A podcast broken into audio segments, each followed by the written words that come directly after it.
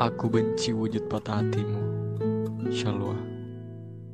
Dan betapa mendalamnya cinta dan perasaan Salwa kepada sosok Sawal, sampai harus rela berkorban mengabadikan kisah tersebut dalam sebuah buku. Sebagai konsekuensinya, tentu saja karya tersebut akan hidup selamanya dalam ingatan dan keberlangsungan hidup Salwa.